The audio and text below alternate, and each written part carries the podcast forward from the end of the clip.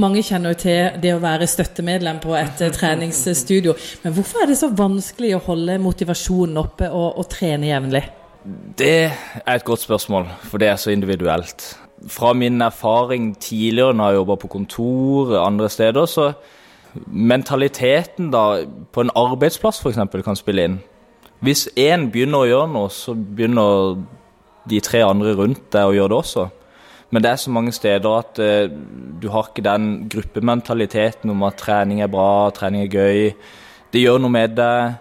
Man står kanskje litt alene av og til, og da er det vanskelig å gjøre det.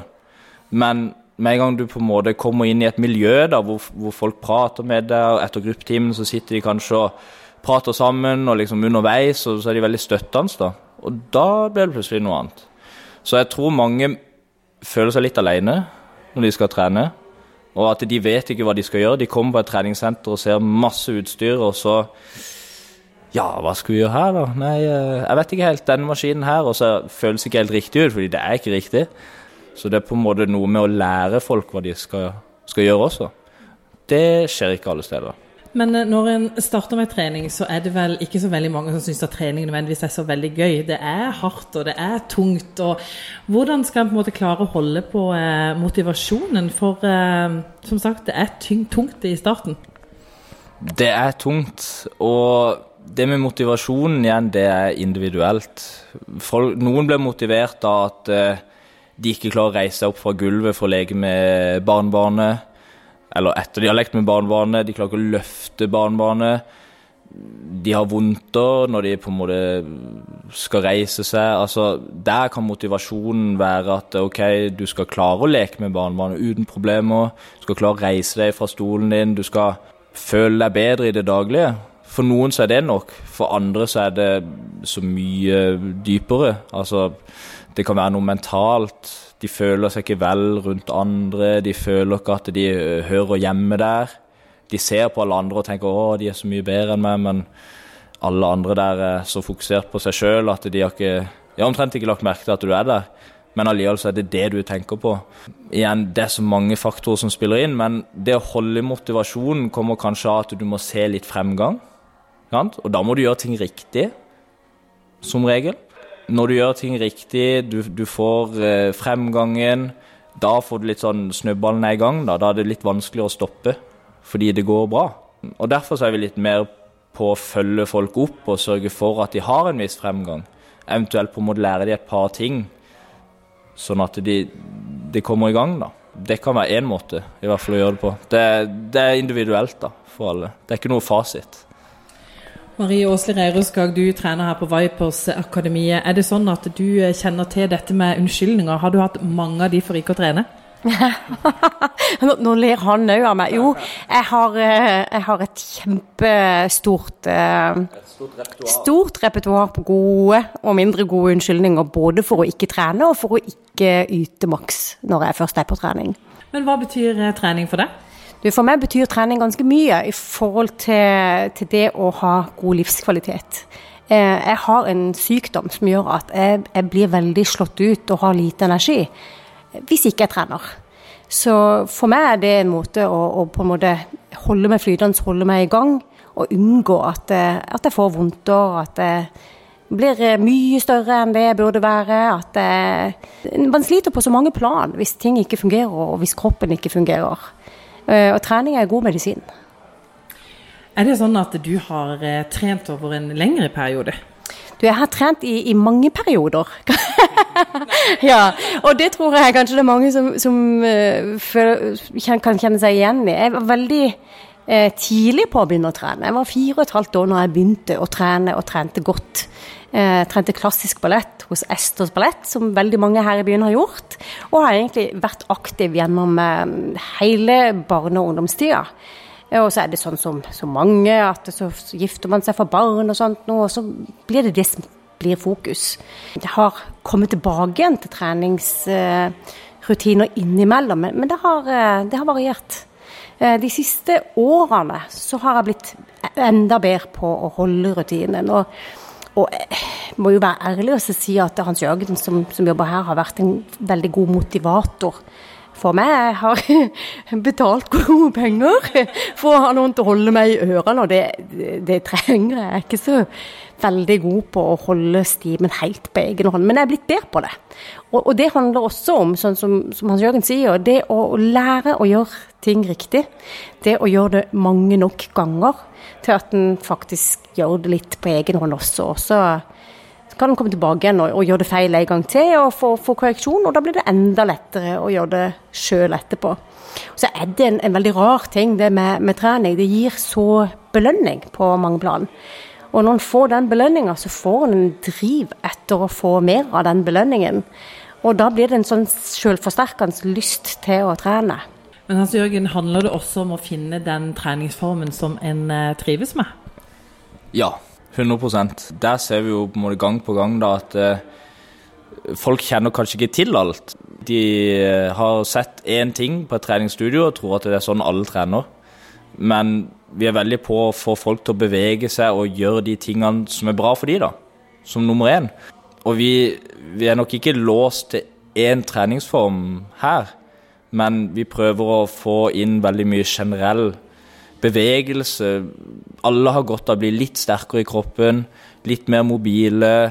Alle har godt av på en måte få opp pulsen, kunne jobbe med, med, å flytte rundt på litt vekter eller objekter, og på en måte det overfører så godt til det daglige.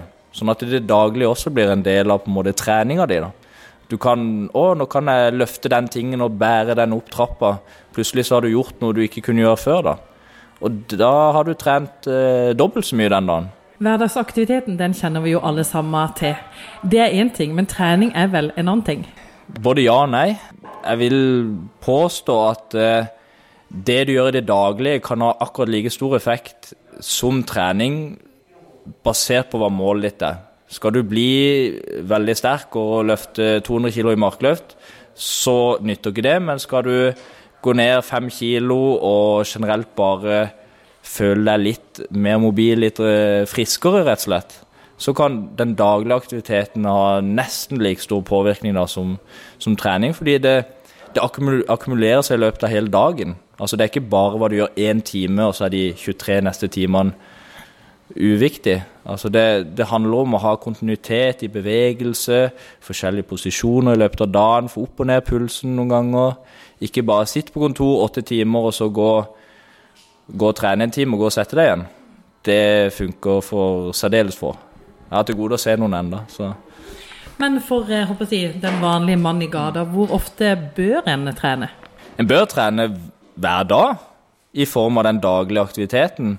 Og da legge til f.eks. treningssenter minimum to ganger. Har du treningssenter to ganger i uka, så kan du se en forbedring hvis du er der og gjør noe veldig effektivt mens du er der. Har du lite daglig aktivitet, altså du går lite, du sykler kanskje ikke, eller ja, du sitter mye stille, så vil jeg anbefale å gå på et treningssenter oftere, fordi da må du jo opp for mangel på daglig aktivitet, som faktisk krever noe av det. da. Mange ser på treningssenter som noe skummelt, og for mange er det den berømte dørstokkmila. Nettopp fordi at man tror at man fort kan eh, skille seg ut. Mm. Og ja, det er jo det som er problemet for mange, det å faktisk komme inn og komme i gang.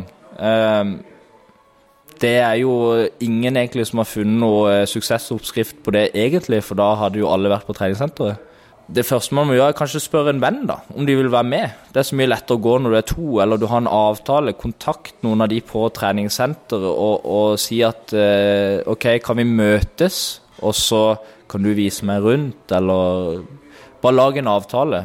Det er mye lettere å opprettholde en avtale med noen andre enn OK, nå i morgen så skal jeg gå. Eller mandag. Da, mandag, da skjer det. Alle gode ting skjer på mandag. Da skal jeg begynne. Da går jeg. Og så blir det onsdag, så ja, neste mandag. Så skjer det egentlig ingenting. Så bare lag en avtale med noen. Eh, hos oss så er vi, vi er fire PT-er. Eh, man kan kontakte alle sammen og lage en avtale uten å på måtte betale noe. uten å noe sånn. Du, du, kan bare møte oss og liksom få en omvisning. Bare kom inn døra og spør. Det, det er på en måte det er det som stopper der, bare gå inn døra. Resten blir tatt veldig fint hånd om. Men er det sånn at treningssentrene på en måte nå er for alle? For når vi tenker treningssenter, så tenker vi kanskje de som løfter tungt, og som er veltrente. Mm. Eh, hos oss så har vi eh, folk fra 11 som trener med oss, opp til godt opp i pensjonistalder. Eh, så ja, jeg vil si at det er for alle. For du kan ikke sette en 11-åring og en 65-åring eh, i samme bås det blir vanskelig. Men de er allikevel her, og, og alle jakter sine mål. Noen eh, har ikke sterke mål, men de trenger bare å trene og få litt veiledning. Kanskje de har eh, noen plager, noen skader som gjør det litt vanskelig å faktisk være aktiv. Og det er jo der vi kommer inn i bildet og på en måte ja, gjør det bedre for dem. Marie, har du eh, funnet den treningsformen som gjør at faktisk trening kan gi glede? Ja, vet du, Jeg har prøvd eh, mange forskjellige typer treningsformer, og jeg liker å variere. Eh, og det kan jeg også gjøre her. Eh, så jeg trener jo mest styrke når jeg er her. Eh, men i tillegg så bruker jeg f.eks. tredemølla eh, til løpetrening, til intervaller.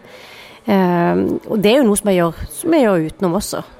Jeg liker å utfordre meg sjøl, sette meg mål, gjennomføre, se at det er mulig. og og stadig sette meg med nye mål, og da gjerne med variasjon på, på, hva jeg holder på med. Så jeg har jo gjort uh, fryktelig mye forskjellig, fra alt fra dans til kickboksing til triatlon har jeg drevet litt med, løping gjør jeg ganske mye av. Uh, og nå er det styrketrening som er den store greia, for det er så sinnssykt gøy. Jeg kan jo legge til at eh, tidligere i år så skulle jo så hadde Marie det målet om at hun skulle løpe et halvmaraton i terreng. Var det i mars måned? April. april. Eh, så da ble det jo til at eh, jeg som er hennes personlige trener, sa at eh, greit, for vi hadde jo også et mål om å gå ned så og så mye vekt. Sånn at eh, den vekta du tar av deg innen det eh, halvmaratonet, da skal jeg være med deg og løpe halvmaratonet, og så skal jeg ha den vekta du tar av deg, på vektvest. Eh, og hvis du tar av deg mer enn fem kilo, så skal jeg doble det. Sånn at det blir mye verre for meg hvis du klarer å være flink og liksom gjøre det du skal gjøre. Så det på en måte dette starta med det, og det ble til at vi stilte lag eh, ifra Vipers Akademiet. Fikk med mange av medlemmene, alle PT-ene var med og løp. Og vi var flere av PT-ene som løp med vektvest, fordi at eh, vi da på en måte skulle kompensere litt. Fordi ja, vi var, vi var, i god form, men vi skulle på en måte også måtte kalle det lide sammen med, med, de andre, da, som ikke nødvendigvis kunne løpe så fort osv. Så, videre. så jeg hadde det ganske vondt da jeg kom over målstreken og jeg måtte løpe med, med 11 kilo eh, ekstra på kroppen eh, da. Ja, her har du en PT som, som går den ekstra mila, og kanskje til og med 2,1 mil ekstra. Eh, og det er veldig motiverende. Eh, det å kunne gjøre PT-en sin litt vondt i gjengjeld, sykt motiverende. Og det å kunne avslutte noen av treningstimene med å få lov til å ta på boksehanskene og prøve å slå med trøkk og presisjon, det er motiverende. Men Marie, hva slags resultater har treninga gitt deg, tenker både fysisk og psykisk? Eh, ja, det, som sagt, altså, jeg har, jeg har, en sykdom som gjør at det svinger for meg. Eh, så dette året her har jeg vært ganske dårlig, egentlig, etter de halvmaratonene. Så, så har eh, kroppen min streika. Eh, men det å ha denne eh, treningsrutinen har gjort at jeg ikke har gått ned i en sånn kjempegrøft. Jeg har holdt meg ganske flytende. Eh, det gjør noe med, med både kropp og, og hode. Så for det om jeg naturlig nok eh, går noen kilo opp når en er i, i, dårlig form, så har en grunnmuskulaturen, altså grunnformen, den ligger der likevel. Så nå er jeg sånn adekvat medisinert, som det heter på fint fagspråk. Og, og nå begynner jeg altså å kjenne resultater av et nitidig arbeid som, som jeg, og Hans Jørgen ikke minst, har lagt ned gjennom dette året for å holde kroppen min i gang. Og det gjør at hodet mitt funker som det skal. At, eh, at ikke en går på på eh, tunge tanker og mister motet og, og, gir opp. For det, det, er fort gjort, det. Det å ikke være i stand til å gjøre alle de tingene som du har veldig lyst til når du egentlig har en driv, og på en måte stadig møter motstand, det kan gjøre at en føler at en eh, ja, mister motet, gir litt opp. Men for meg har det vært en kjempemotivator å, å klare å gjennomføre til tross for at det egentlig nesten ikke var mulig. Eh, så én ting vi måtte innføre med Marie sin trening, var ok, vi kan ikke bryte ned kroppen veldig i perioder. Så vi, vi må gjøre en type trening som sparer muskulaturen fra å bli brutt ned. Eh, såkalt altså ren konsentrisk trening. Vi, vi på en måte enten bare trekker og ikke holder igjen tilbake. Det gjør på en måte at hennes muskulatur og, og kropp ikke blir så stressa, men hun får, på en måte, hun får opp pulsen, hun øker styrken, hun forbrenner kalorier, men vi bryter ikke ned kroppen like mye. Og I tillegg så måtte vi legge inn at eh, vi måtte styre pausene etter pulsen hennes. Fordi pulsen ble veldig høy og liksom var veldig ustabil. Så når, når vi da på en måte ser at eh, ok, nå er pulsen hennes gått ned. Enten så har vi satt mål under 120, av til 110, kommer an på hva vi gjør. Eh, så begynner vi igjen, istedenfor nødvendigvis se på klokka at ok, nå skal vi ha nøyaktig ett minutts pause. Da er på en måte ikke hun klar, men hun er kanskje klar etter 1 minutt og 35 sekunder. Da kjører vi på, fordi kroppen hennes sier at hun er klar nå. Og da har vi på en måte også sett at fremgangen øker i takt med på en måte de tingene vi implementerer. da. Rett og slett for å få treninga designa rundt hennes, uh, hennes, kropp, hennes fysikk, hennes tilstand akkurat nå. Og det var ikke sånn vi trente for et halvt år siden, men det er det det krever akkurat nå. Du, Noen trener for å bli sterkere, andre trener for å gå ned i vekt. og Hvis man på en måte trener for å gå ned i vekt, så hører man jo at det koster 80 og trening er 20% Bare det i seg selv er jo litt deprimerende. Ja, eh, og jeg vil si at det er helt feil. Det er 100% av begge. Du kan ikke eh, si at uh, trening er 20, uh, kosthold er 80, fordi det er så mye mer. Folk er så, altså Fysiologien er så kompleks at du kan ikke bare spille det Det er ikke så lett, rett og slett. Uh, det krever at treninga er bra. Den må være 100% Du kan ikke loffe rundt på 20% og forvente at kostholdet skal gjøre jobben for deg. fordi det handler om så mye mer. Altså, det, det, spiller inn i forhold til hvor mye bryter du ned muskelmassen din, hvor mye, hvordan er blodsukkersvingningene dine, hvordan er søvnen din. Altså, det, det, er så mye som spiller inn. Eh, alt fra relasjoner med andre til på en måte hvor godt du liker deg sjøl, spiller inn på hvor mye du går ned i vekt. Altså, det er ikke fordi kroppen gir ikke slipp. altså Den gjør ikke ting optimalt hvis ikke mye rundt er optimalt. Og der er på en måte ofte balansegangen. da. At uh, det skjer ikke bare ved å tenke på den ene eller den andre tingen. Det, det, er et nettverk av ting som spiller inn. Og hvis alle de tingene blir tenkt på i en eller annen form, så, så får du ofte bedre resultater enn hvis det bare er liksom OK, nå skal vi bare trene, glem alt det andre. Eller nå skal vi bare fokusere på kosten, glem alt det andre. Ja, det vil hjelpe, men det gir ikke nødvendigvis de resultatene. For da hadde vi ikke hatt det problemet vi har i dag, med at folk går opp og ned i vekt. Da hadde de blitt nede. Men nå nærmer vi oss eh, jul. Vi er i eh, desember. Nå skal vi spise ribbe, og så skal vi spise pinnekjøtt, og så skal vi spise god mat. Eh, er det sånn at man kan gjøre det med sånn tålelig god samvittighet? Ja, altså hvis man ser på hvor mange måltider man spiser i, i desember måned, de hva blir det for noe, kanskje fem-seks måltidene i løpet av desember som skiller seg veldig ut fra de andre, det spiller nok egentlig ikke så stor rolle, men det som spiller inn, da, er jo gjerne at eh, folk går og småspiser på en del ting mellom ribba, imellom eh, de, alle, alle, disse gode måltidene. Eh, det blir mye godter. Folk er mye mer stillesittende. Det er jo derfor folk på en måte plutselig forsvinner fra mange treningssentre i desember. Eh, altså, det, det er kombinasjonen, da. Det er mye mer småkaker, det er mye mer drikking og diverse kaloriholdige drikkevarer. Det er, det er, ikke ribba sin feil, det er alt andre du gjør som, eh, som har skylda. Det er ikke ribba. Så man må trene godt, og så kan man spise godt? Ja, altså no, noen, eh, noen, sier at de, de, trener for å kunne måte, spise det de vil. Og ja, det, det går, er fullt mulig. Men på en måte den balansegangen, da. Ok, nå er det jul, kanskje du ikke skal trene fire ganger i uka, men kanskje du skal trene to ganger. Og gå deg en tur. Jula handler jo om å være med dine nære og kjære. Ta de med ut på en tur, ta hele familien ut og gå 30 minutter etter dere har spist middag. La oppvasken og alt ligge, gå en tur, legg fra deg telefonen. Prat sammen, være ute i frisk luft. altså Bare det gjør vanvittig mye med kroppen, som, som også vil på en måte spille inn da på, på det andre som er målene, egentlig.